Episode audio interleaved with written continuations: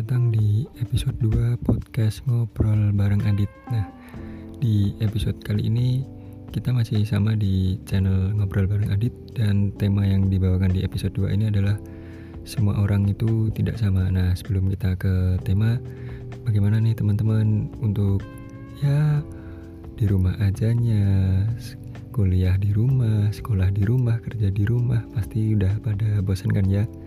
Nah, ditahan dulu ya teman-teman pasti semua itu ngerasain bosen dan biar teman-teman nggak ngerasa bosan sendirian ya adalah hal yang bisa disyukuri dari wabah corona ini nah sebelum mendengarkan ya semangat untuk teman-teman tetap di rumah aja dan kita putus rantai COVID-19 ini bersama-sama karena Indonesia bisa.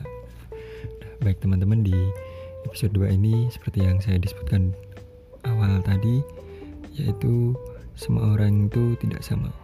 Nah teman-teman pasti kan juga sering nemuin juga misal ada cewek yang disakiti pasti banyak yang bilang ah semua cowok itu sama. Nanti ujung-ujungnya juga bakal nyakitin. Dan ada juga cowok yang bilang ah semua cewek itu sama. Nanti ujung-ujungnya nyakitin itu sangat salah bro. Apa kalian gak sayang sama diri kalian sendiri sih? Misal kalian punya stigma kayak gitu dan tertanam di hati kalian. Berarti teman-teman kalau udah berpikiran seperti itu teman-teman berarti menutup diri kalian untuk belajar lebih baik lagi. Nah ingat teman-teman ini memang kisah nyata sih dan relatable juga kita bisa lebih dewasa ketika kita itu mendapatkan cobaan yang berat mungkin krisis ekonomi dan yang kedua itu sakit hati teman-teman. Asal teman-teman tahu sakit hati itu merupakan pembelajaran terbaik. Boleh teman-teman percaya atau tidak tapi itu benar teman-teman. Jadi misal teman-teman disakiti nih pasti kan teman-teman juga bisa ya semacam evaluasi diri atau mungkin evaluasi hubungan.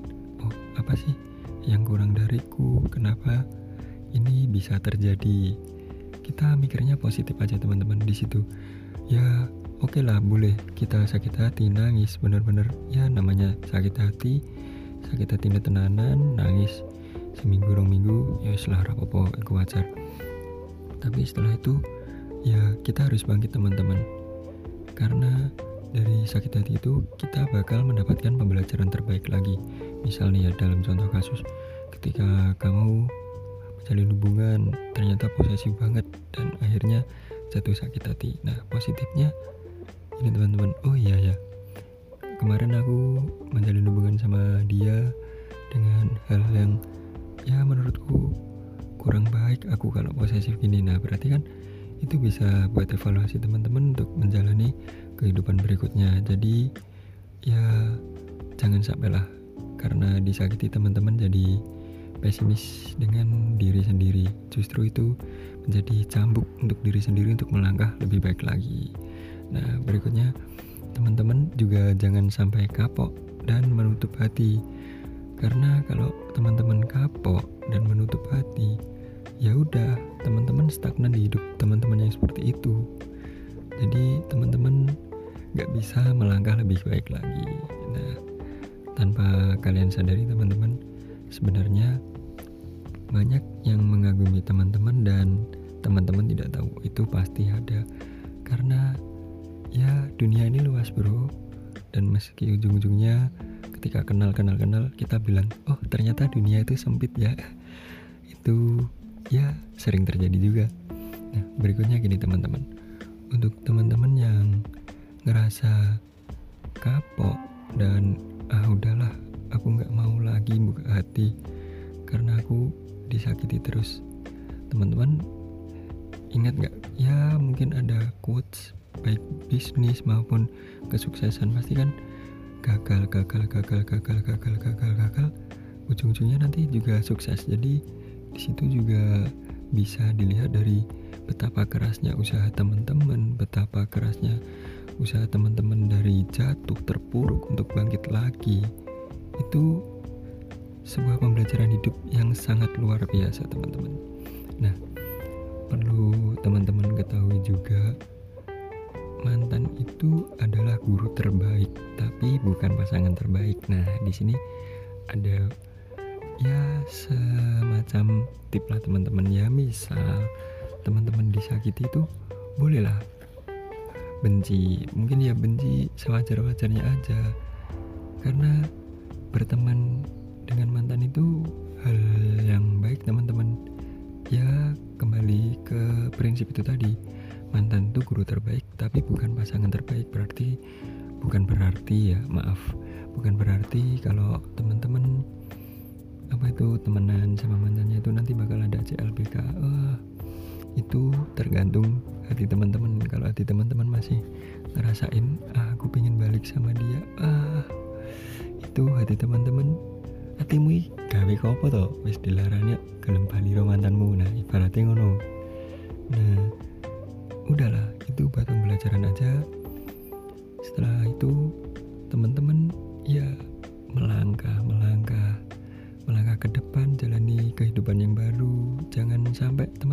stigma ah semua cowok itu sama semua cewek itu sama.